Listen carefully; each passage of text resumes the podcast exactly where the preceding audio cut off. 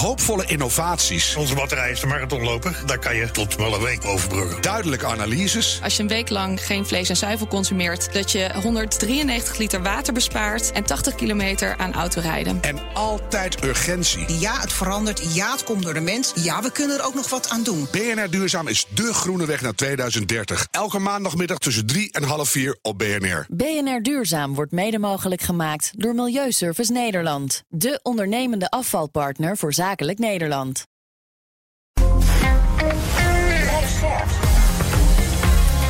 BNR Nieuwsradio. BNR breekt. Ivan Verrips. Goedemorgen en welkom bij BNR Breekt. Vanaf half twaalf praat ik over het nieuws van de dag. Over het uh, kabinet wil dat ons land een leidende technatie wordt. Maar uh, daarvoor moet het investeren in techbedrijven een stuk aantrekkelijker maken. Zegt althans de pleitbezorger van de techindustrie. Ja, de, nou daar gaan we zo meteen over praten. En we hebben het over Greenpeace, want dat daagt de staat. Vanwege stikstofplannen die volgens Greenpeace uh, veel te ja, weinig omvatten. Um, terwijl de staat er nog flink mee bezig is. Nou, dat gaan we allemaal bespreken zo meteen. Doe ik met mijn panelleden. Vandaag Moenja Houari, oprichter van GroeiIT. Goedemorgen. Goedemorgen. Fijn dat je er bent. En Kalle Duvekot, voorzitter van de Jonge Democraten. Goedemorgen. Goedemorgen. En welkom. We gaan beginnen met... BNR breekt. Breekijzer. Breekijzer heeft te maken met... Werken bij Defensie. Je moet het maar kunnen. Ja, we gaan het hebben over de herinvoering van de actieve dienstplicht. Uit een peiling van één vandaag blijkt dat 6 op de 10 vindt dat het Nederlandse leger er belabberd aan toe is. Er moet meer geld naar Defensie, maar ook meer mensen. En dat zou wellicht kunnen door mensen via die actieve dienstplicht weer in Defensie, uh, met Defensie in aanraking te laten komen. Voorstel van CDA-leider Wopke Hoekstra, die deed dat onlangs nog eens nadat het CDA dat om de zoveel paar jaar een keer uh, weer laat vallen. Uh, en wij gaan erover praten in ons breekijzer. Een dienstplicht voor jongeren is een goed idee. Ik ben heel benieuwd hoe jij erover uh, denkt. Mogen jongeren in ons land best een steentje bijdragen aan Defensie... of ze daar nou zin in hebben of niet? En is dit dan een goede manier? Of is het uh, ja, niet meer van deze tijd en niet iets wat je zomaar kunt opleggen... en uh, moeten jongeren lekker zelf bepalen welke carrièrepad ze willen lopen of niet? Ik ben heel benieuwd hoe jij erover denkt. Ons breekijzer dus. Dienst, een dienstplicht voor jongeren is een goed idee. Pak je telefoon, bel naar 020 468 4 keer 0 Dan kom je zo meteen bij me in de uitzending. 020 468 4 keer 0 Als je niet wil bellen, maar wel wil stemmen... kan het via de stories van BNR Nieuwsradio op Instagram. Maar het leukste is even je telefoon pakken. 020 468 4 keer 0 Zometeen hoor je hoe mijn panelleden erover denken. Maar ik ben eerst benieuwd hoe Defensie er zelf over denkt. Bij monden van Jean Deby, voorzitter van de vakbond... voor burger- en militair defensiepersoneel... de grootste vakbond van defensiepersoneel. Goedemorgen, Jean.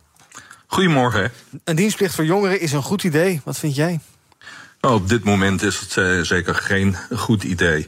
Op het moment dat je de opkomstplicht uh, activeert, dus dat de, alle dames en heren van 18 jaar en ouder verplicht moeten worden opgeroepen, moet je eerst kijken van wat is de veiligheidssituatie voor Nederland, voor de verdeling van het grondgebied. Worden we zodanig bedreigd dat het noodzakelijk is dat we 200.000 jonge mannen en vrouwen gaan oproepen om de dienstplicht te vervullen. En militair zijn is niet zomaar iets. Militair zijn is echt ja, een hele de job uh, waar je zelf vrijwillig voor moet kiezen. Want je zult ook uh, gewoon gevechtstaken moeten uitvoeren. Je zult uh, gevechtsondersteunende taken uitvoeren. Je kunt ook logistieke taken uit, uitvoeren als het gaat over bijvoorbeeld technici die nodig zijn voor onderhoud van fregatten, van, van schepen, dus van jachtvliegtuigen, helikopters, maar ook voor alle voertuigen en materieel wapensystemen die ook de landmacht heeft. Mm. En dat, dat moet je willen. Uh, dat zijn ook uh, lange opleidingen die je nodig hebt, zeker in de technische vakken, om uh, op een goede manier ook de ondersteuning te kunnen bieden. Ja. En dat kun je niet 1, 2, 3 oplossen door heel veel jonge mensen en mannen op te, nee. te roepen en te gaan. Nee. Dus, en er zijn nog vele andere problemen die ze dan gaan opdoemen. -huh. Namelijk, er is 30 jaar bezuinigd op Defensie. De krijgsmacht die is behoorlijk ingekrompen. er zijn onvoldoende instructeurs om überhaupt dit soort mensen op te leiden. Onvoldoende uh, wapens, wapensystemen, onderwijsleermiddelen, uh, schietbanen, legensgebouw en ga zo maar door. Mm. Dus uh, ook in, in de uitvoering is dat gewoon op dit moment ook niet mogelijk. Nee, toch even over die veiligheids... Ja, heel veel ja. over die veiligheidssituatie. Je zegt van ja, is het, is het nu nodig? we hebben een oorlog op ons continent. Ik hoor Mark Rutte dingen zeggen als in Oekraïne, dat is ook onze oorlog. is die veiligheidssituatie niet dermate dat je zegt van goh, je kan maar beter te vroeg dat weer heractiveren dan te laat? love. Nou, je zult eerst dus een gedegen veiligheidsanalyse maken zonder ballonnetjes op te laden. Dat betekent namelijk dat de, de NAVO die wil zich ook niet bemoeien met uh, de oorlog uh, in Oekraïne. Uh, willen ook geen uh, deelgenoot in conflict gaan worden. En de vragen die ze gesteld moeten worden, en daar moet de regering en het parlement een antwoord op geven, is de veiligheidssituatie voor de staat der Nederlanden nu zodanig in gevaar dat dat legitimeert dat je 200.000 mensen tegen hun wil of ja, tegen hun wil oproept om de dienstplicht te vervullen. En dan krijg je de vervolgvraag: zijn we überhaupt in staat ja. om dat te kunnen doen? Ja, Oké, okay. uh, we gaan zo verder praten over de details ook. Eerst nog een beetje in mijn panel. Moenja, ons breekijzer. Een dienstplicht voor jongeren is een goed idee. Wat vind jij? Zeker weten. Ja? Tuurlijk. Waarom? Nou, ik vond het wel interessant om te lezen. Uh, het was wel grappig, want als je dan kijkt naar de mensen die ermee eens uh, zijn, zijn dat 65-plussers. Ja, in het, oh, mijn god, ik hoor erbij. In die, in die een vandaag. Goed voor de jongeren, daar worden ze gedisciplineerd van. Ja. Ik hoorde mezelf dat al zeggen.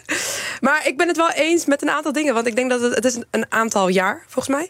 En het is denk ik wel goed om uh, te oriënteren wat je wil. Hè? Want je komt er wel achter wat past wel bij me, wat past niet bij me. Nu zie je dat heel veel mensen bepaalde studies doen en daar misschien een beetje van terugkomen. Misschien leer je dingen ontdekken over jezelf die je op een andere manier niet misschien hebt kunnen ontdekken. Mm -hmm. Even positief uh, benaderd. Ja. En ook omdat het lijkt alsof we een hele mooie tijd leven. Maar dat leven we eigenlijk niet. Dus het is best wel ook kritisch als we niet op een andere manier kunnen investeren in dat leger. En dit de manier is om dat wel te doen. Ja. Uh, als er zo meteen iets gebeurt.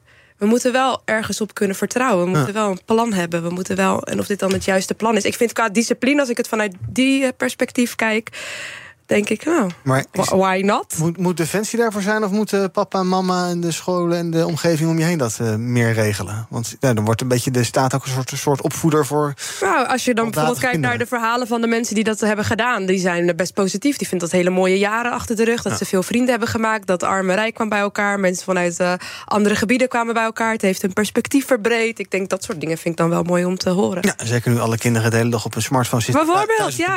Ga eens kijken wat de wereld okay. echt is dan alleen je scherm. Kalle, een dienstplicht voor jongeren is een goed idee. Absoluut niet. Oh, waarom niet? Nee, uh, überhaupt moet je nooit mensen uh, voor, tot zoiets dwingen. En net zoals de expert er net al zei, uh, uiteindelijk moet je dan, is het idee, gevechtshandelingen uit kunnen voeren. en als je dat tegen je wil ingedwongen doet, zal dat echt niet heel erg goed zijn voor de prestaties van die militairen. daarnaast kun je gewoon mensen en jongeren niet dwingen om zoveel jaar van hun toekomst eigenlijk op te geven. Dat vroeger ook gedaan. Ja. En nu toch ook dan? Nou, nou, vroeger hebben we het inderdaad gedaan. dat wil niet zeggen dat ik het toen, of, toen een goed idee had gevonden, maar goed, andere omstandigheden. Uh, nee, maar het is vooral uh, het argument wat nu bijvoorbeeld het CDA ook allemaal noemt, hè, om het weer in te voeren, is omdat de krijgsmacht het nodig zou hebben om ons dus inderdaad veilig te kunnen houden. Nou, allereerst dat de krijgsmacht nodig heeft, is gewoon dat we die 2% norm gaan halen, mm -hmm. om uh, er gewoon goed geld in te steken. Uh, en dat we die ook houden. Hè. We gaan, soms tikken we hem af en toe een jaartje aan en dan zakken we er weer onder. Uh, ja, daar kan je niet langdurig beleid op maken. Het duurt bijvoorbeeld iets van acht jaar voordat je materieel goed in kan schatten en aan kan schaffen en in gebruik kan nemen. Uh, daar moet, wil je gewoon uh, constante uh, budgetinkomsten voor hebben. Hm. en daarnaast, als jonge democraat zijn wij er, er vooral op voor van ja, als je dan inderdaad echt extra manschappen nodig hebt, doe dat dan door middel van een reservistensysteem. Dus ga kijken waar er allemaal vrijwilligers zitten die dat misschien zouden willen doen, die dan vrijwillig zo'n training kunnen doen, zodat ze op standby kunnen staan voor het moment dat het nodig is. En we willen ook vooral dat bijvoorbeeld in de technische sector, want die mensen heeft, heeft Defensie ook nodig, dat daar wat meer vanuit de werkgever ook dan gefaciliteerd kan worden. Dat je er dus misschien inderdaad één of twee jaar achter, uh, tussenuit kan. Ja. Om die training te gaan doen. Met misschien wel terugkeergarantie of iets dergelijks. Ja, precies. Ja. Maar om nou alle jongeren uh, meteen uh, te verplichten om het leger in te gaan voor een aantal jaar. nee, dat, dat zou ik absoluut niet doen. En dan nog even reagerend, kort op, op, op de andere spreker. ja, dat je er dan achter zou komen wat je dan zou willen. dat denk ik niet. Want in het leger wordt je niet gevraagd of je iets wil. Daar wordt inderdaad gewoon een bevel gegeven. En als je erachter komt dat het niets voor jou is, dan zit je er wel nog steeds aan vast. Voordat ik naar de bellers ga, uh, nog één vraag. Uh, uh, het CDA komt hier nu dus weer mee. Het is een beetje een soort grijs gedraaide plaat die af en toe uit de kast komt bij het CDA. hoe verklaar je dat? Want het is ook een aanloop naar de provinciale statenverkiezingen. Nou, daar heeft het ook niks mee te maken. Is dit een soort, waarom is dit een CDA-stokpaardje, denk jij, Kalle? Is dat een soort Ja, waar is, wat is dat voor gekke... Ja, dan, dan zou ik een beetje mijn politicologie pet op moeten Ja, zetten. graag. Ehm, nee. Jawel. d- nou, het, het, het- ja, het, het, het, het eh, valt natuurlijk best inderdaad, zoals als je zei, eh, binnen de stokpaardjes van het CDA. Zeker op het moment dat er verkiezingen aankomen, gaan alle partijen een beetje hun identiteit en, en het onderscheid met andere partijen weer uitlichten en uitvergroten. Dat is het CDA nu ook aan het doen. Wat daarbij natuurlijk ook meespeelt, is dat hun partijleider minister van Buitenlandse Zaken is. En dat we dus inderdaad in een best wel turbulente periode in eh, Europa zitten. Met een oorlog op onze drempel. ehm, waar allemaal verschrikkelijke dingen gebeuren. Eh, en dat allemaal leidt tot het, eh, tot het pitchen van zo'n idee. Ik, ik kan Maar ook met nog. Provinciale Staten heeft het niks te maken. Nou, ook dus, want hè, verkiezingstijd, Ja, dus dan gaan ze, eh, gaan er niet gaan ze er, er- er meer. eh, nee. maar het is wel een moment om je partij te onderscheiden. Ja, wat ze wel aangeven bijvoorbeeld is als je niet de dienstplicht wil doen, kan je bijvoorbeeld in de sectoren zorg, onderwijs die ertoe doen, kan je ervoor kiezen om daar dan je steentje aan bij te dragen in die verplichte tijd. Dus dat is dan Een soort maatschappelijk. maatschappelijk Een maatschappelijk, ja, wil ik precies. zo meteen even Ja. met jullie over hebben. Eerst nog een beetje eh, onder de luisteraars. Breekijzer, een dienstplicht voor jongeren is een goed idee. 020 468 4 keer 0 als je wil reageren. Even kijken wie er het langst aan de telefoon hangt. Eh, Jeroen, goedemorgen van den Akker. Ja, goedemorgen. Hallo, zeg het maar. Ik vind het een heel eh, goed iets. Eh, wat wel mis, ook in de krant, dat er niet gesproken wordt over het dienjaar. Ja. Het dienjaar, ik heb met mijn zoon ben ik eh, bij een open dag geweest. Onwijs gaaf, onwijs enthousiast. Werd eh, heel professioneel opgepakt door eh, Defensie. En ik vind het gewoon een hele goede zaak. De jeugd moet eh, leren weer discipline te hebben en gezag. En, eh, dus ik sta daar helemaal, eh, helemaal achter. Ja, nou, voor die jaar zullen we het zo meteen even hebben met Jean de Bier. Want daar schijnt ook eh, vrij veel interesse voor te zijn. Eh Shaila, goedemorgen. Goedemorgen. Hallo, zeg het maar. Eh, ik ben niet eens met de stelling. Oké. Ik vind het moet vrijwillig zijn, want dan zal de prestatie tenminste 100% zijn. Mhm. En als je niet vrijwillig en je wordt gedwongen, dan ga je met tegenzin en dan zal de prestatie ook 0,0 zijn. Maar vrijwillig is wel een goed idee. Als je even een jaartje kan meedraaien en je wil dat graag. Ze moeten het zelf willen Ja, en dan kan en niet eh, gedwongen worden. Duidelijk, dankjewel. Aram, goedemorgen. Goedemorgen. Ik eh, ben het met de stelling eens. En de reden is dat het CBS zegt dat er zo'n kleine 1,6 miljoen jongeren zijn tussen de 18 en 25 jaar. En het brein is nog niet ontwikkeld tot 25 jaar. Ik denk dat het heel goed is dat jongeren in zo'n periode eh, een jaar lang eh, verschillende ervaringen kunnen opdoen. En ik heb heel veel respect voor het beroep militair binnen Defensie. Dat is niet alleen het leger. Dus ik stel ook voor dat andere sectoren inderdaad kunnen worden aangeboord. Zoals het onderwijs of inderdaad de zorg, waar grote tekorten zijn. Ja, en daar moet je natuurlijk ook maar genoeg instructeurs hebben om dat allemaal te kunnen begeleiden. Maar het idee is wel mooi. Ik doe nog eh, twee bellers voor dit blokje. Rob kan niet ontbreken. Goedemorgen, Rob. Ja, goedemorgen Iwan, met Rob Christenbult. Ja, ik vind het geen goed idee. Het is inderdaad met de verkiezingen, dan speelt het CDA deze grammofoonplat weer af. Wat we wel moeten doen, denk ik, om Defensie te versterken... is te beginnen met een nationale garde, met eh, gemotiveerde mensen... en die dan gaan opleiden. En ja, dat eh, over die, discipline, ja, weet je... dat was al zo tijdens de Ratskug en bonentijd, tijdens de mobilisatie... Dat, dat viel ook wel mee, want er was gewoon behoorlijk veel insubordinatie en dat soort dingen. En het is ook geen Nederlandse leger, er was ook geen eh, egalitair systeem. Hè. Het was dezelfde rang en standaardmaatschappij ja, als gewoon in de normale burgermaatschappij. En onder Napoleon was het, eh, die heeft de dienstplicht dus eh, ingevoerd als eerste. En bedacht, ja, dan was het echt van iedere soldaat heeft de staf in zijn ransel.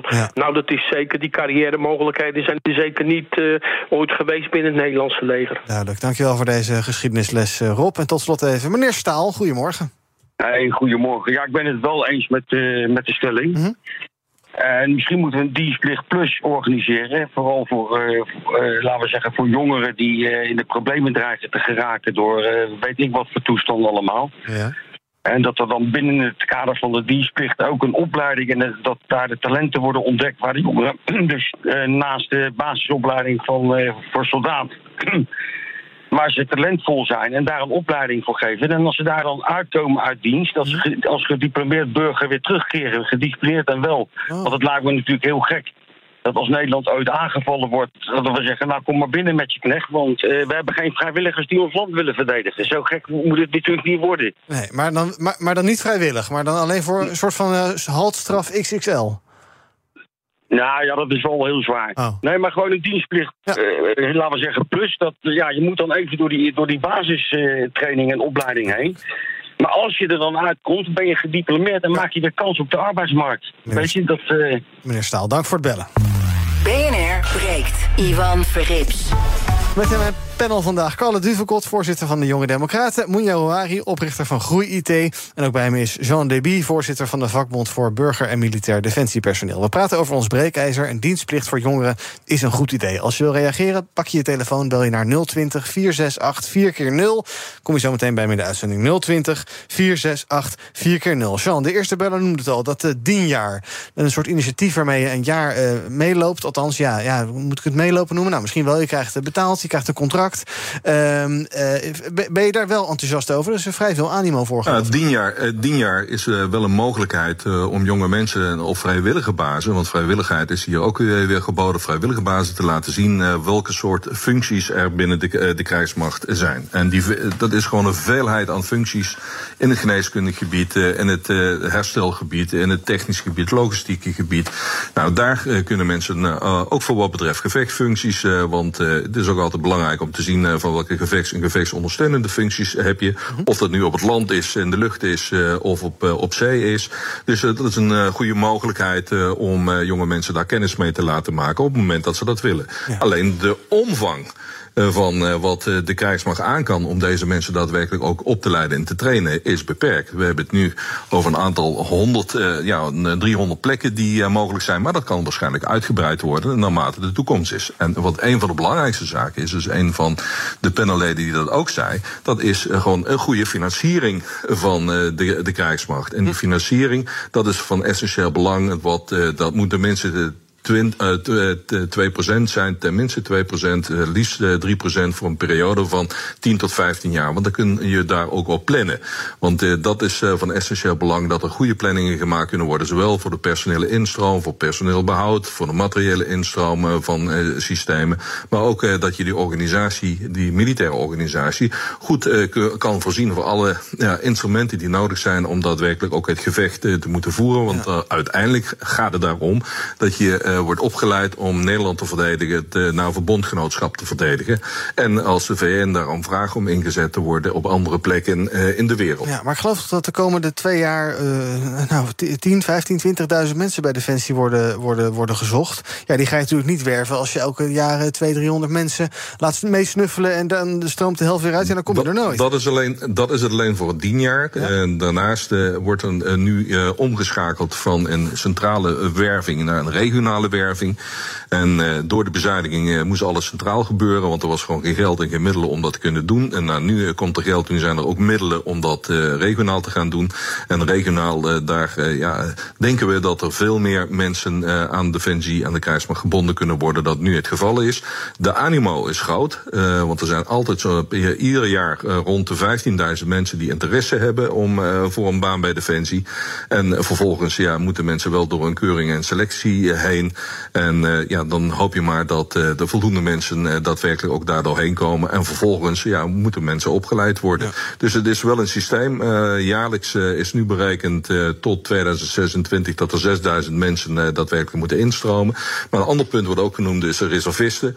Er zijn ook heel veel jonge mensen die gewoon een studie doen. En die zich daarnaast kunnen opgeven als reservist. En dan krijgen ze ook een opleiding en een training. Is wel beperkter dan de beroepsmilitair die er is. Maar ook daar zijn gewoon mogelijkheden voor. Dus het uh, potentieel is er uh, en uh, de, de mogelijkheden zijn er ook. Ja. Maar niet verplicht, wel op vrijwillige basis. Ja, laten we even nog luisteren naar Hoekstra. Die, nou, die gaf dus als reden al ja, wat er nu allemaal internationaal aan de hand is. Oorlog in Oekraïne. Hij ziet ook een andere reden voor herinvoering. Als het gaat over samenhorigheid. Ja. Ik ben echt door tientallen mensen benaderd vanuit het onderwijs. voetbalcoaches die zeggen... Discipline, dat is precies wat er nodig is. Nou, dat zegt Moeja dus ook net, Kalle. Maar dat vind jij geen argument om te denken... nou, misschien kan het wel een beetje verbroederen inderdaad. Je maakt vrienden voor het leven. Uh, je leert ook samen afzien. Uh, het, is, uh, het, kan je, het kan je ook helpen met je, met je vorming, burgerschap. Het kan zeker helpen met burgerschap. Ook als je gaat kijken naar de, de maatschappelijke dienstplicht, als je dat als optie zou geven, dan kan dat daar zeker voor helpen. Um, maar dan kan je zelf ook de, af, de, vraag stellen: ja, waarom is die discipline er nu niet? En waarom dat is individualiseren als samenleving? Nou, en is, is dat per se iets slechts? En uh, daarnaast, waarom uh, hè, zijn er tekorten in, in, de maatschappelijke, in de maatschappelijke sector? Mm -hmm. um, ik denk dat je dan veel meer inderdaad in het onderwijs moet kijken naar burgerschapsvorming, hè, aanleren dat we het allemaal inderdaad dan op zo'n gebied samen moeten doen. En dat het heel nobel is is om in die sectoren te werken. Uh, maar aan de andere kant moet er dan ook een, uh, gekeken worden. Ja, als je naar marktwerking gaat kijken, worden die mensen gewoon onderbetaald in een hele hoop maatschappelijke hm. sectoren. Uh, dus dan creëren we een beetje dat tekort daar zelf. Um, en om daar dan dwang tegenover te zetten als een soort kunstgreep, ja, dat, dat zou ik niet. Dat, ja, dat, dat is een soort tijdelijke oplossing. Dat, dat is niet duurzaam. Middelbare school moest u ook een soort stage lopen, was ook dwang. Snuffelstage. Ja, dat duurde ook wel. Vond ik ook geen zak aan. Ik heb het heel verzonnen. Ja, maar uh, ik heb in ieder geval bij mijn snuffelstage wel mogen kiezen waar en in welk veld ik dan meeliep. En uh, dat was niet per se meteen bij Defensie. Wat heb je gedaan dan? Uh, Oeh, ik heb bij het Europees Parlement en bij de griffier van mijn lokale gemeente heb ik meegelopen. Saai. Of was het leuk? was heel leuk. Het waren gemeenteraadsverkiezingen. Oh, dat is wel interessant. Ik ben bij de lokale omroep meegelopen en toch de helft verzonnen. Meneer en mevrouw Van Dongen, goedemorgen. Meneer mevrouw Van Dongen, hallo? Ja, hallo. Ja, zeg het maar. Mij? Ja, daar luidt en duidelijk. Ja. Ja, ik eh, ben voorstander van, uh, van het dienstplicht, maar dan niet per se in het leger. Ik, uh, gewoon in de maatschappij. Dus je maakt schoon op straat of je gaat in de zorg. Mm -hmm. Dat de mensen daar eigenlijk gewoon ook zien wat de maatschappij meer is dan alleen maar ja, student zijn of uh, beginnend met werken. Ja. En zo leer je ook um, een vorm van respect voor de omgeving. Ja, of de bouw in kan misschien ook, dat je gaat helpen huizen bouwen? Nou, gewoon alles wat er mogelijk is. Gewoon, Ik denk eerder gewoon maatschappelijk. Dus gewoon dat je voor de overheid werkt, ja. zeg maar ergens waar toch een soort vorm van constructie en regelmaat en discipline in zit. Dank voor het bellen. Jan, goedemorgen. Goedemorgen, Johan. Nou, ik uh, twijfelde nogal, maar ik neig toch inderdaad naar uh, voor de stelling. Ja. Uh, en dat komt omdat, ja, ik denk dat het heel goed is, dat is al vaker genoemd, dat er toch echt wat discipline wordt bijgebracht. En als dat ja, door de ouders bij de opvoeding niet meer gebeurt, dan moet het maar op een andere plek ja. gebeuren. Ik weet niet of dat je kinderen van 17, 18 van, die van school afkomen moet laten kiezen wat ze dan willen gaan doen. Ja. Uh, misschien is het goed om die toch nog een beetje te sturen. Er werd al eerder genoemd dat het brein ook uh, nog niet helemaal uitontwikkeld is. Dus, ja. dus geef ze gewoon het handvatten. Ik ken heel veel jongens die ook in dienst geweest zijn. En die inderdaad uh, best wel blij waren dat ze het rijbewijs konden halen onder diensttijd. dat ze allerlei technische vaardigheden konden leren. En ook een hele leuke vriendengroep daaraan hebben overgehouden. Ook gewoon tientallen jaren later nog. Of het alleen nog kan op dit moment, dat is even de vraag natuurlijk. Ja. We hebben toch een andere bevolkingssamenstelling dan nou ja, 30 jaar geleden. Toen die dienstplicht nog normaal was. Ik weet niet of het precies 30 jaar was, maar je hebt natuurlijk nu ook te maken met meer uh, ja, uh, jongeren die uh, misschien een dubbel paspoort hebben van een andere nationaliteit mm -hmm. bijvoorbeeld erbij. En je weet niet of dat ze in parallel dan voor het Nederlandse leger mogen werken. Ja, dat zijn misschien een beetje de, de maatwerkdingen. Maar dank voor het bellen. Ik zit ook te denken, maar dat is misschien een beetje. we zijn natuurlijk met z'n allen steeds dikker aan het worden. Is dat zo? Kan ik, ja, dat is wel waar. Dat is wel waar. Ob obesitas en dergelijke. misschien is het, nou, ik bedoel het niet naar jou, maar oké. Okay. Um, uh, misschien dat het ook daar wel goed voor is. Dat we een beetje ook die kilo's eraf trainen, ook bij die jongeren. Het klinkt alsof we geen vertrouwen hebben in de jeugd. Ik hoor alleen maar gebrek aan discipline, gebrek aan discipline. Dat, Ze moeten weer wat meer dingen leren. Maar ik herken het wel. Je ziet soms van de kinderen op, op fietsjes voorbij komen... dat ze niet meer hoeven te trappen van die fatbikes. Er zitten altijd... Alles is vanuit gemak natuurlijk. Ja. Hè? De behoefte is hetzelfde, denk ik, gebleven... maar de snelheid waarin dingen zijn gegaan voor mm -hmm. de jeugd is anders. Als ik dan bijvoorbeeld kijk naar de techwereld waar ik dan actief in ben... Ja. en daar komt ook mijn disciplineverhaal vandaan is... dan komt iemand net van school en die zegt... joh, ik wil 4000, 5000 euro verdienen en een lease auto. En, jij, en ha, ik wil ha, ha, 80% thuiswerken. Alleen maar regels. En ja. ik denk, joh, je bent niet eens begonnen. En dat is dan de projectie die je dan doet met hm. zo'n stelling... dat je denkt, hé, hey, misschien is het dan wel goed, die discipline inderdaad. Want ja. makkelijk gaat het ik, ik en ik weet dat ja, het niet fair is... is, maar het is, ik, nee, ik hoor precies, het ook een beetje is... in de verhalen... dat het vooral daarover gaat. Even los van wat het echte probleem is met het leger... gaat ja. het nu vooral over die doelgroep... en de ontwikkeling van die doelgroep. Ja, en daar kan je natuurlijk je de interessante vraag bij stellen... van ja, is inderdaad uh, heel veel discipline, heel veel regelmaat... is dat inderdaad nog wel wat, wat past bij de nieuwe generatie? Want ik las vanochtend ook een uh, stuk... dat haakt een beetje aan op jouw opmerking over dat gewicht... dat een kwart van de uh, pubers niet meer sport. Mm -hmm. simpelweg omdat zij reguliere trainingen... met een vaste tijd, met verplichtingen gewoon uh, niet meer in hun schema vinden passen. Ja. Um, dus daar zie je een hele nieuwe trend. Uh, inhakend op dat, dat vertrouwen in de jeugd. Ik hoorde net ook een van de bellers van... ja, nee, maar een 18-jarige die heeft nog niet een ontwikkeld brein... om levenskeuzes te maken. Ja, absurd. Uh, sorry, maar 18-jarigen hebben gewoon stemrecht. Het zijn gewoon volwassenen. Ik heb toch geen volgoed brein dan nog?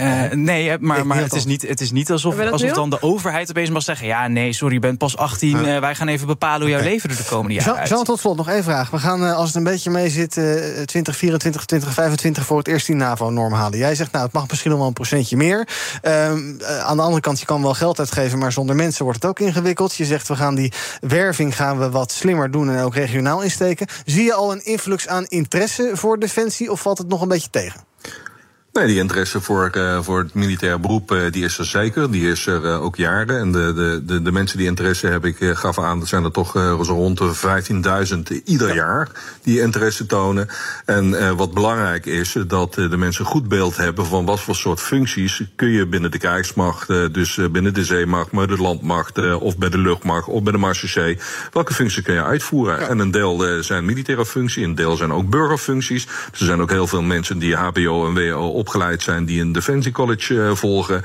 Waarbij ze dus uh, ook uitgedaagd worden om uh, in hun studierichtingen daadwerkelijk ook mee te lopen bij, de, bij Defensie. Dus er zijn vele mogelijkheden om de, het personeel tekort wat we hebben uit te breiden. Maar het begint natuurlijk ook al. Het moet wel ook op een goede manier redelijk en fatsoenlijk betaald worden. En daar kunnen ook nog stappen ingezet worden. Zodat je ook de soldaat die in het verleden nou, rond de 9 euro per uur verdiende. Dat hebben we nu als vakbonden opgeteld dan 14 uur uh, per uur.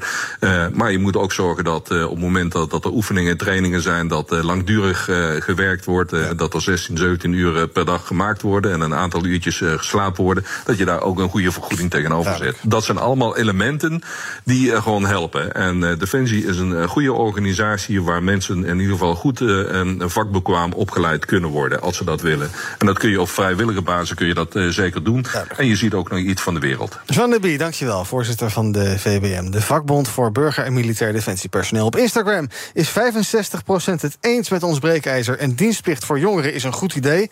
Zullen vast ook weer oude mensen zijn. Die zitten allemaal op Instagram namelijk. Zometeen ga ik met mijn twee panelleden verder praten over het nieuws van de dag. Over Greenpeace, dat nu wil dat de overheid echt uh, iets gaat doen... als het gaat om uh, stikstofbeleid. En over een maand, min één dag, mogen we naar de stembus... voor de Provinciale Statenverkiezingen en de waterschappen. En de stemhulpen die komen zo langzamerhand een beetje doordruppelen. Er is meer nieuws, want verkiezingsdebatten van RTL gaan niet door. Nou, leeft het al een beetje? Zindert het al een beetje, die Provinciale Statenverkiezingen? Ik geloof het niet, maar we gaan het zo bespreken bij BNR Breekt. Overwin voor eens en voor altijd spreekangst. Volg de masterclass Spreekangst. Kijk op Spreek. Spreek.nl Hoi, ik ben Rens de Jong en ik presenteer Werkverkenners, de podcast over werk. Of het nou gaat over de impact van technologie op jouw baan, over de kunst van het thuiswerken of over de nieuwste trends in leiderschap, wij hebben het allemaal. Luister iedere dinsdag om 3 uur naar BNR of wanneer maar wil op je favoriete podcastplatform. Werkverkenners wordt mede mogelijk gemaakt door Prescan. Prescan, ga voor je gezondheid.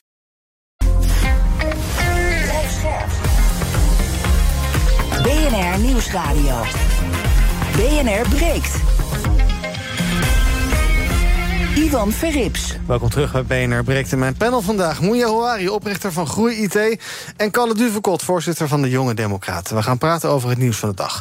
Ons land moet investeren in techbedrijven gunstiger maken. Althans, dat zegt TechLeap, de pleitbezorger van de techindustrie. Ja, de. Ons is een uh, ja, vrij vooruit, uh, vooraanstaande markt als het gaat om start-ups in de EU. We gaan nog voor Parijs, voor Berlijn, voor Stockholm. Maar die positie staat wel onder druk.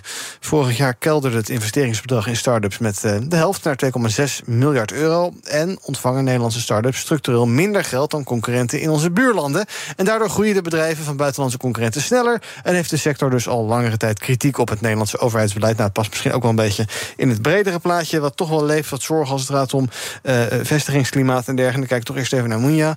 Uh, ja, techbedrijven investeren. Uh, ik had het idee, we hebben een paar, paar aardige reuzen in ons land, de Adjens en dergelijke. Dat zijn toch geen start-ups meer, dat zijn al. de huge, unicorns huge. noemen we die. ja, nee. Maar heb jij het idee dat er, dat, er, dat, dat er een probleem is op dit gebied?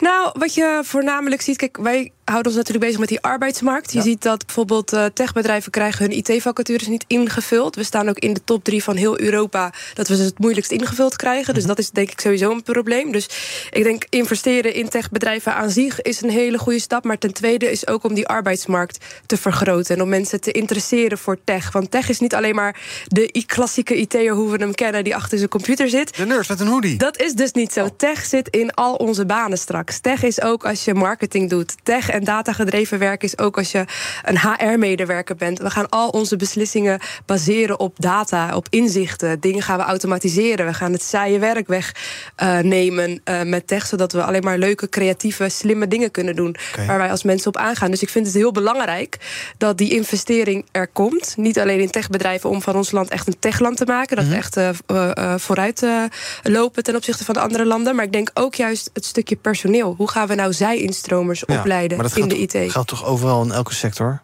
Dat, dat ja, maar tech staat nog steeds op nummer 1. Ik heb ook een eigen artikel meegenomen over de arbeidsmarkt. Maar daar zijn ook vandaag weer wat nieuwe cijfers over gelanceerd. En je ziet dat daar gewoon nog steeds grote problemen zijn. Hm. Uh, ondanks dat je de grote ontslagen zag bij grote techbedrijven. Google, uh, Amazon, noem ja, maar op. Waar niet? Waar niet. Ja. Zie je toch in Nederland het aantal IT-vacatures nog steeds uh, moeilijk in te vullen. En ja. nog steeds aanhouden. Ja, en je neemt nog steeds mensen aan. Kalle, vind jij dat er een uitzonderingspositie of gunstige voorwaarden moeten worden gecreëerd voor het investeren in techbedrijven? Of moet uh, TechLead niet zo huilen? Nou, het, het, het, is gewoon een sector die, uh, die een hele hoop in onze toekomst inderdaad gaat betekenen. En die ook dus inderdaad een hele hoop problemen op de arbeidsmarkt op dit moment heeft. Dus daar een kijken van heel kunnen we dat versoepelen, et cetera, dat is wel een hele goede. Uh, maar je moet wel een beetje kijken van wat gaan we daarin allemaal uh, stimuleren. iedereen kent het voorbeeld van de enorme datacenters mm -hmm. die oh ja. in Zwolle zouden komen. Ja, daar haalt Nederland zelf niet heel veel aan. maar aan de andere kant zie je dat in Brainport in Eindhoven een groot deel van al onze patenten vandaan komt. En achter patenten zitten ideeën en nieuwe bedrijven, et cetera, et cetera. En allemaal banen, et cetera. Uh, dus dat is wel heel goed. Ja. Uh, dus ik zou zeggen van ja, uh, ga op zoek naar manieren waarop je het inderdaad goed kan stimuleren. Waardoor je onnodig bureaucratie weg kan nemen. Maar maak er geen compleet belastingparadijs van. Nou, dat zijn we toch al? Ja, en dat heeft ook zo zijn problemen. Ja, oké. Okay. Um, uh, dus, uh, nou ja, die, het TechLeap wil ook voorkomen dat allerlei bedrijven naar, uh, naar het buitenland weglekken. Is, is, al gebeurd. Bijvoorbeeld Flow Traders is naar Bermuda gegaan. Nou, dat is niet vanwege het lekker, lekkere weer, uiteraard. ben jij er ook voor dat we het inderdaad wel aantrekkelijk maken, maar dat we niet de ongebreidelde poort openzetten voor alle miljarden? Kom maar binnen en steek het maar in waar je wil. Want dan ja, we moeten dus ook kritisch zijn. Hè? Ja? Tech kan je op verschillende manieren inzetten. Zorg is bijvoorbeeld, vind ik, een heel, hele mooie branche over hoe uh, tech uh, daar uh, nou ja, ervoor kan zorgen dat die hele zorg goed geautomatiseerd wordt en ja. alles rondom de patiënten bijvoorbeeld gepland wordt. als je dan bijvoorbeeld kijkt naar het personeel, wat wij zien is dat men aan het kijken is buiten Nederland. Mm -hmm. Dus aan het kijken is naar landen. Het is al van oudsher natuurlijk Oost-Europa, Servië, Portugal zie je heel erg groeien met allerlei tech-hubs. En daarmee zie je wel dat ze eerder geneigd zijn om naar dat soort landen ja, te gaan.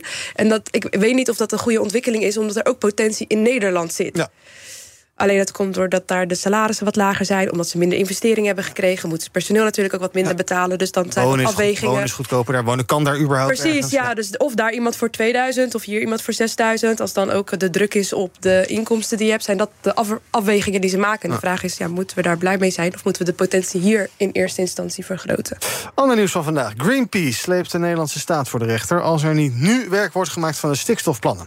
Volgens de milieuorganisatie uh, wordt er bij de overheid veel over het probleem gebabbeld maar ondertussen weinig gedaan. En plannen die wel gemaakt worden, die zijn vaak te vrijblijvend. En dat terwijl de tijd voor de natuur inmiddels behoorlijk begint te tikken. En wat ze dan precies gaan eisen, vertelt Andy Palme, die is directeur bij Greenpeace Nederland. Nou, eigenlijk niet, niet meer en niet minder dan dat de overheid zich aan haar eigen wetten houdt. De Europese Vogel- en Habitatrichtlijn. En wij zeggen dat we uh, aantoonbaar ecologen laten zien dat die natuur op omvallen staat. En op, echt op korte termijn. Kijk, en wat wij eisen is, hou je aan je wet en maak een plan op hele korte termijn. Inclusief harde maatregelen om dat te voorkomen. Uh, niet meer en niet minder. Nee, ja, Kalle Greenpeace is uh, ongeduldig. Nou, dat is ook wel logisch, want ze zijn Greenpeace. Dus zij strijden voor dit soort dingen. Maar uh, er wordt toch inmiddels, we hebben nou ja, best wel wat vertragende tactieken gehad met remkes en dergelijke. Er is nu een rapport. Er wordt toch inmiddels wel gewerkt aan uh, stikstofbeleid? Ja, er wordt uh, zeker wel aan gewerkt. Snap je een onrust? Ja, nou, die snap ik ook, want het is echt al uh, 1 voor 12 uh, als het uh, op de natuur aankomt. Dus er moet ook wel echt wat gebeuren. Hè. Zoals Remkes volgens mij zelf ook al zei, het is nu belangrijker dat je snel een grote slag haalt dan dat je op tijd in 2030 bij de eindstip aankomt. Mm -hmm. maar. Um, en wat Greenpeace ook zegt van, is, is ook heel redelijk. Ja, de Kamer en de regering maken hun eigen beleid. En daar moeten ze zichzelf ook gewoon aan houden. Ja, dus aan de slag? Of, ja, maar- ja, maar er wordt toch aan de slag gegaan? Wat willen ze nou nog meer? Nou, ik, ik denk... dat- Dan, moet, dan moet een landbouwakkoord aankomen. Dan moeten er voor 1 juni geloof ik allerlei plannen ingeleverd worden... als het gaat om hoe we dat stikstof gaan aanpakken. Eh, we weten een beetje wat de aanpak wordt. We gaan eerst proberen om die piekbelasters uit te kopen... of, of te laten zorgen dat ze hun bedrijfsvoering veranderen. Eh, daarna gaan we eventueel ook nog uitkopen... om te zorgen dat die stikstof verder daalt. Nou, dan ben je er toch? Het is toch vrij concreet? nou, eh, Provincies mogen het uitvoeren, maar nou. Nou, dat, dat- daar zit je al. Provincies mogen het uitvoeren. Binnenkort zijn de provinciale statenverkiezingen. Hè, dus wat gaat er in iedere provinciale staten gebeuren? Wordt daar dan misschien weer vertraagd?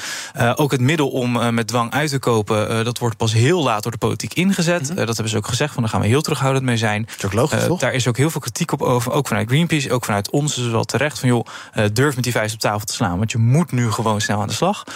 Dus ik snap Greenpeace heel goed dat zij hierbij gewoon zeggen van... joh, gas op de plank en, en, en, en, en eh, zorg dat je, dat je gewoon snel aan de slag gaat. En blijf niet eeuwig in al die akkoorden en onderhandelingen... en, en toch eh, de, de zachte hand eh, aanpak zitten. In juli komt het kabinet dus met plannen voor de aanpak in de agrarische sector. Maar juli, dat duurt eigenlijk ook nog te lang, zegt eh, Andy Palme. We praten echt al jaren over dit onderwerp. En daarnaast, die natuur die heeft de tijd niet meer. Hè. Dus we hebben het echt over de eind 2025... eh, eh, dat je ervan uit kan gaan dat eh, we natuur kwijt zijn geraakt.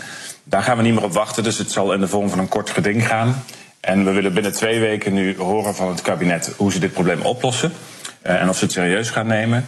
En zo niet, dan stappen we, stappen we naar de rechter. Ja, over 4,5 maand is het eh, juli, eh Moenja. Ehm, voel, jij voel jij dezelfde urgentie? Ja, nee, zeker. Ik had de documenten inderdaad gelezen. En, en het, het klopt dat ze met allerlei plannen komen, maar het is niet baanbrekend en het duurt te lang. Volgens mij gingen ze ergens 2030 had het dan effect. Terwijl Greenpeace zegt nee, voor 2025 moeten wij wel echt al zien dat er verandering eh, in gang wordt gebracht. Dus ik vind het alleen maar goed dat ze kort op de bal zitten. En ik denk dat we daar allemaal eh, als maatschappij eh, baat bij hebben. Nou, we gaan zien hoe het kort geding verloopt. Op zich Ja. hebben natuurorganisaties die krijgen best wel eens af en toe wat gedaan de laatste tijd bij de rechter. Dus Ja. wellicht in dit geval ook. Vergroot je overtuigingskracht en ontwikkel de magie van verbinding. Leer presenteren als een leider. Kijk op Spreek.nl. Hoi, ik ben Rens de Jong en ik presenteer Werkverkenners, de podcast over werk. Of het nou gaat over de impact van technologie op jouw baan, over de kunst van het thuiswerken of over de nieuwste trends in leiderschap, wij hebben het allemaal. Luister iedere dinsdag om 3 uur naar BNR of wanneer maar wil op je favoriete podcastplatform. Werkverkenners wordt mede mogelijk gemaakt door Prescan. Prescan. Ga voor je gezondheid. BNR breekt. Zorgrobot. Ik moet altijd denken aan robot Pepper. Dat is ook zo'n stom ding. Die heeft jarenlang door allerlei congressen gereden... met Pepper en Pepper en Pepper. Je wat van Pepper. In mijn panel vandaag Kalle Duvekot, voorzitter van de Jonge Democraten... en Moenja Houari, oprichter van Groei IT. We gaan kijken naar wat jullie zelf is opgevallen in het nieuws. Nou, je zei het net al even, Moenja. Je hebt een artikel meegenomen van een eh, recruitment- en arbeidsmarktcommunicatiebureau... met als kop, arbeidsmarkt kan tot niet, krapte houdt gewoon aan. Nou, dat sluit precies aan wat je net zei. Dus eh, ja, het is, eh, het is nog steeds voor de werkzoekenden is het feest. Ja, en het was even spannend, want er zat een recessie aan te komen. Wat betekent die recessie dan? Je zag dat bedrijven iets voorzichtiger waren met investeringen, toch een beetje de kat uit de boom kijken. Maar dan zie je toch de cijfers zo van afgelopen kwartaal en de prognose van de eerste kwartaal dat is gegaan. Eind december, hoeveel vacatures denken jullie dat er open stonden? Gewoon in algemene zin in Nederland. Eind december, hoeveel staat er open? Alleen in de techsector? Of Nee, gewoon algemeen. Dus eh, zorg, horeca, industrie, handel, alles. Heb je daar een beetje gevoel bij? Het stom is, ik zou het wel moeten weten. Ik denk 430.000. Is dit, ja, Oh. 442.000. Oeh. Dat was echt heel close. Ja, dat was echt heel close. Dus eh, dat zijn er flink een hoop. En als je dan kijkt wat een beetje stabiel is geworden... is de IT-zorg nog steeds extreem veel. Maar niet dat het nog gegroeid is. Het is gewoon eigenlijk een beetje hetzelfde gebleven. Wat wel heel erg gegroeid is, is horeca en industrie. Want er waren eerst maar duizend vacatures binnen de horeca. En dat is in één kwartaal gegroeid naar 37.000. En hetzelfde geldt ook voor de industrie. Dus eh, dat betekent werkloosheid is nog steeds laag. Banen zijn er nog steeds in overvloed. Dus Ja. op zich eh, komt door de vergrijzing natuurlijk van de arbeidsmarkt. Dus het zal nog wel even zo gaan. Maar goed, mensen die in de horecasector werken... die eh, denken misschien ook, ik ga ze het anders doen. Er is werk zat en ik, kan misschien ergens Nou, anders dat zag je ook met corona inderdaad. Dat heel veel mensen een switch hadden gedaan. Of toch een kantoorbaan. En dat het goed was bevallen bijvoorbeeld. En dat ze dat zijn gaan aanhouden. Dus eh, we mogen net als Defensie flink weer aan de slag met wervingscampagnes. En mensen enthousiasmeren voor allerlei diverse banen. Ja, is dit nou goed nieuws, Carl, of niet? Het houdt natuurlijk wel de economie tegen, dit soort eh, eh, enorme beperkingen. Aan de andere kant, je hebt wel, veel, je hebt wel keuze. En eh, werkgevers moeten vechten om werknemers. Ja, ik denk dat het uh, gewoon nu op een punt is gekomen waar je gewoon een aantal marktcorrecties gaat zien, zeker in de lonen. Uh, er was ook vlak na corona was op een gegeven moment dat, dat de horeca erachter kwam van ja, uh, al die mensen die hebben ontslagen, die willen nu opeens niet meer terugkomen naar ons. Ja, omdat ze inderdaad gewoon te weinig loon boden. Um, dus dat is gewoon een, een goede, uh, goede zet geweest. En uh, wat nu dus werknemers moeten, pardon, werkgevers moeten gaan doen, is heel goed bedenken: hey, hoeveel uh, loon kan ik bieden om de mensen aan te trekken die ik nodig heb voor mijn bedrijf? Ja, en want als je niet genoeg biedt, dan gaan die mensen staken. Dat zien we ook de laatste tijd. Het wordt steeds meer. Dat zie je inderdaad ook. En dat, dat, dat doen die mensen ook makkelijker, omdat ze weten van ja, ergens anders is een baan die misschien beter betaalt voor mij. Kalle, jij hebt een artikel meegenomen uit de Volkskrant. Het ging uh, over het debat uh, over de basisbeurs van gisteren. We wisten eigenlijk van tevoren al wel dat er niet zoveel zou veranderen meer. Zeker als het ging om, nou ja, wat kan je nog doen voor die pechgeneratie? Die studenten die, nou ik zeg maar hebben geleden onder het leenstelsel sinds 2015... wat dan komend jaar gaat verdwijnen. En eigenlijk is het verhaal, ja, weet je, die 1400 euro... het is een waardeloze fooi, maar het moet maar. Ja, het is een onbevredigend verhaal. Toch? Ja, ja het, nou, het viel me vooral op dat het, uh, het eerste deel van het debat heel erg ging over vingertje wijzen. Dus welke partijen uh, waren er het eerste bij om uh, te, zich tegen het leenstelsel te keren, et cetera, et cetera. Nou, dat, dat vond ik een beetje, ook zoals je net van der Laan zei, een soort natrap in de politiek. Mm -hmm. want inmiddels zijn bijna alle partijen het erover eens dat, de leenstelsel, dat het leenstelsel geen goed idee was en dat de basisbeurs terug moet komen. en vervolgens bak inderdaad heel erg de discussie los, joh, waarom is die compensatie 1 miljard? zelf had ik ook graag een hogere compensatie gezien. Uh, maar als je ook gaat kijken um, naar hoeveel geld er nodig is om een daadwerkelijk echt een impactvolle compensatie te realiseren, dan uh, reikt dat tussen de 14 en de 25 miljard. Mm -hmm. Nou, dat is best wel moeilijk bij elkaar te krijgen op een rijksbegroting. Um, dus waar wij vooral uh, als jonge democraten ook naar zaten te luisteren is... Hey, gaat de politiek zich inzetten om de negatieve effecten van die schuld in te, mm -hmm. in te dammen? Uh, een van de grootste negatieve effecten is dat een hele hoop jongeren... Uh, uit die leenstelselgeneratie gewoon een ongelijke kans hebben op de woningmarkt... Ja. omdat de studenten vlak voor hen en de studenten vlak na hen... een veel lagere schuld hebben en dus een hogere hypotheek. Ja, die kunnen dus de komende jaren nooit een huis kopen. Nee, precies. Uh, want die zullen er altijd net op het laatste moment uitgeboden worden uh, door, uh, door een, een jongere of, of, een oudere mm -hmm. huiszoekende. en zo'n studieschuld kan al gauw het verschil maken tussen 15.000 euro hypotheek. Ja. Dat is best wel veel. dus wat wij heel erg mooi vonden, is dat er wel inderdaad in de Kamer op een gegeven moment ook werd gezegd: van, joh, minister Hugo de Jonge van Wonen moet daar gewoon sneller naar gaan kijken. Er staat al in het coalitieakkoord dat er gerekend moet worden met de actuele schuld en niet de fictieve schuld. Mm -hmm. Dus de, de maximale schuld die ooit heb gehad. Uh, wat ik überhaupt belachelijk vind, dan ga je rekenen met een schuld en schuldlasten die iemand eigenlijk al niet meer heeft, omdat hij heeft afbetaald. Um, en wij zeggen van joh, pak dat dan door, uh, zorg dat het helemaal niet meer meetelt. Ja. En ga dat ook snel invoeren, want het heeft op dit moment gewoon heel veel impact. En minister Hugo de Jonge die is er zo van ja, ik, ik pak dat ergens in, in, de loop van 2024 al aan. Hoorde ik ook de CDA-woordvoerder zeggen. Uh, ja, dat is gewoon niet snel genoeg. Er, er moet gewoon vaart achter komen. Moet jij vrees voor een soort van verloren generatie jongeren die tussen 2015 en 2023 hebben gestudeerd... die dat leenstelsel helemaal hebben meegemaakt... en die dus nu volgehangen zijn met 10.000 euro schuld. Nou, daar 1400 euro van terugkrijgen. En daarvoor en daarna heb ik jongeren basisbeurs gehad. Ja, nee, weet je, zonde en, heel zuur. Ik, ik, ben daar dan niet uh, onderdeel van. Ik kom nog uit de tijd dat dat niet het geval uh, was. Ik weet toen het werd ingevoerd dat ik dat heel erg vond. Dat ik echt dacht, woe, ben ik even blij uh, dat, dat dat mij niet is overkomen. En nu komen ze daarvan terug. En ik vind wel, daar hoort dan niet alleen excuses bij... maar daar hoort dan ook bij inderdaad dat ze daar niet meer de dupe van zijn. En ik schrik daar wel van dat ze zeggen... joh, pas in 2024. Dat betekent dat ze het niet heel urgent vinden. Maar mensen die dan net afgestudeerd zijn... die gaan nu op zoek naar een baan. Daar hoort een woning bij. Ja. Dus misschien is het voor hun helemaal niet actueel... op het moment dat zij het pas voor hun gaan aanpassen. Uh, dus dat vind ik wel heel zuur om te horen. Dus ik hoop wel dat ja. uh, jullie daarvoor blijven inzetten... en dat het kabinet denkt van... nou, we gaan dit nog eerder oppakken... of we gaan in ieder geval het te laten vallen, die schuld... zodat je wel je hypotheek kan krijgen. Ik vind niet dat je daar nog de nasmaak van nou, Nee, precies. En wat daar ook altijd nog heel erg zuur bij is... Uh, kijk, je hebt altijd als je een nieuw beleid ingevoerd... dat er net mensen buiten de boot gaan vallen. Ja. Dat is altijd net zuur. Ja. Uh, maar dat is in principe nieuw beleid. Maar wat je dan nu hebt, is dat er een hele groep studenten is... ik val daar zelf ook onder... Uh, die hun studie zijn begonnen onder het leenstelsel... gewoon doorgaan met studeren onder het nieuwe stelsel... maar dan geen basisbeurs krijgen. Ja. En dus nog steeds gewoon onder het oude stelsel moeten blijven lenen. En waarom is dat dan? Zegt de overheid, ja, nee, je mag alleen aan de basisbeurs krijgen... als je nog nominaal studeert. Maar goed, dit is ook precies precies het cohort studenten dat twee jaar corona heeft meegemaakt. Ja. In hun studentenkamers opgesloten heeft gezeten met mentale problemen en ook weer studievertraging eh, tot, eh, tot gevolg. Eh, dus wij blijven ons er ook voor inzetten om te zorgen van joh, eh, maak dat iets soepeler. Zeg daar gewoon nominaal plus 1 of zelfs plus 2 van. Zodat gewoon dat laatste cohort ook gewoon eh, mee kan in de nieuwe basisbeurs. Ik ben heel benieuwd, heel benieuwd wat die groep gaat stemmen, die eh, per generatie. Maar dat gaan we vanzelf eens een keer, vast wel een keer horen uit peilingen. Oké, we gaan even kijken wat er trending is op de socials.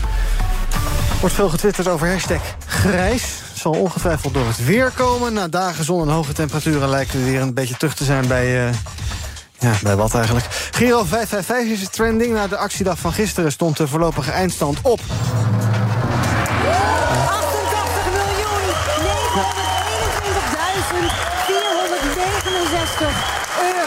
En hoeveel cent? Nou, en counting. En verder is trending hashtag Ahold. Topman van Ahold die, eh, spreekt zijn twijfels uit over de statistieken van het Centraal Bureau voor de Statistiek. En zegt dat zijn klanten aan de kassa aanzienlijk minder kwijt zijn voor de boodschappen. dan die 14,5% inflatie die het CBS heeft berekend. Is toch wel opvallend. Ahold eh, maakt eh, mooie winsten, maar eh, zegt nu zelf: het is allemaal niet zo erg joh, met die boodschappen. Ja, ze hebben flink bezuinigd natuurlijk op de kosten die ze hebben... om ervoor te zorgen dat al die merken van hun overeind blijven Ja. staan. Maar ik merk zelf, als ik boodschappen doe... ik ben gewoon echt heel veel geld kwijt. En Ja. dan kijk ik nog drie keer in mijn winkelmandje van... klopt dit? En dan zie ik echt drie producten voor een bedrag... dat ik denk, oh ja, Ja. dat ik er helemaal niet normaal op let. Maar je, het is gewoon extreem. Dus hij kan wel zeggen dat het niet klopt... maar mijn beleving als consument is dat het wel een stuk duurder is geworden. Ja, Kalle, is Frans Muller een beetje eh, ver weg van deze wereld? Een beetje wereldvreemd, bedoel ik? Ja, nou, je kan je ook afvragen als er niet heel veel prijsverhoging is geweest bij eh Ahold. Misschien waren de producten dan altijd al over, eh, overpriced. Hè? Dat, dat kan ook. Ik weet zelf als student, dan ben je toch altijd een beetje op zoek naar de, de meest goedkope supermarkt. En Albert Heijn staat daar niet echt tussen. Ehm, dus daar kan nog een hele hoop in dat zijn. Maar ook wat Moeja net al zei van ja. ehm, het, het- als ik naar de supermarkt ga, dan zijn producten die er normaal eh, onder de 1 euro waren, nu opeens eh, rond de 1,50. Ja. Of eh, alles wat een beetje. Je ziet net dat het allemaal net een prijscategorie hoger is. En dan schrik je dan toch wel van. inderdaad. Ja, maar Muller zegt onze klanten zijn goed in het vinden van koopjes. En die maken allemaal gebruik van onze loyalty-programma's, bonuskaart en dergelijke. Dus dan kan je er toch nog wel lekker uitkomen. Ja, dat is wel zo. Volgens mij is Albert Heijn heel goed in het, in het afkorten van de juiste, het afprijzen van de juiste producten. Dank jullie wel voor jullie aanwezigheid vandaag bij BNR Breekt. Moenja oprichter van Groei IT... en Kalle Duvekot, voorzitter van de Jonge Democraten. Morgen ben ik er weer met... eh, nee, morgen ben ik er niet met BNR Breekt. Morgen is het vrijdag. Dan is Nina van den Dungen weer terug. En dan beginnen we met een eh, hele nieuwe reeks op vrijdag... met eh, BNR Breekt Politiek. Twee Kamerleden. Eén onderwerp. Morgen gaat het over het investeringsklimaat in ons land. Ik ben heel benieuwd daarnaar. Maandag ben ik er dus weer. En tot die tijd volg je ons via de socials. En als je radio aan laat staan... hoor je over een paar minuutjes Thomas van Zel met Zaken doen. Hoopvolle innovaties. Onze batterij is de marathonloper. Daar kan je tot wel een week overbruggen. Duidelijke analyses. Als je een week lang geen vlees en zuivel consumeert, dat je 193 liter water bespaart en 80 kilometer aan autorijden. En altijd urgentie. Ja, het verandert. Ja, het komt door de mens. Ja, we kunnen er ook nog wat aan doen. BNR Duurzaam is dé groene weg naar 2030. Elke maandagmiddag tussen 3 en half 4 op BNR. BNR Duurzaam wordt mede mogelijk gemaakt door Milieuservice Nederland. De ondernemende afvalpartner voor zakelijk Nederland.